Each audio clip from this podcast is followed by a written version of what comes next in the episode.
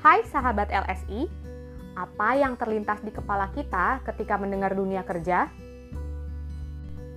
Apakah dunia kerja itu menyeramkan seperti yang orang-orang ceritakan? Untuk apa sih kita bekerja? Di Language Studies Indonesia, kami melihat tempat kerja kami sebagai sekolah kehidupan, di mana kami belajar untuk mengenal diri, memperbaiki diri, bertumbuh, dan memahami arti hidup sebagai manusia, bukan sebagai pekerja. Melalui podcast LSI Stories, setiap minggu kami akan berbagi cerita tentang dinamika dunia kerja di tempat kami. Jadikan podcast kami sebagai sahabat perjalanan pulang Anda setiap hari Senin dan Rabu jam 5 sore waktu Indonesia Barat.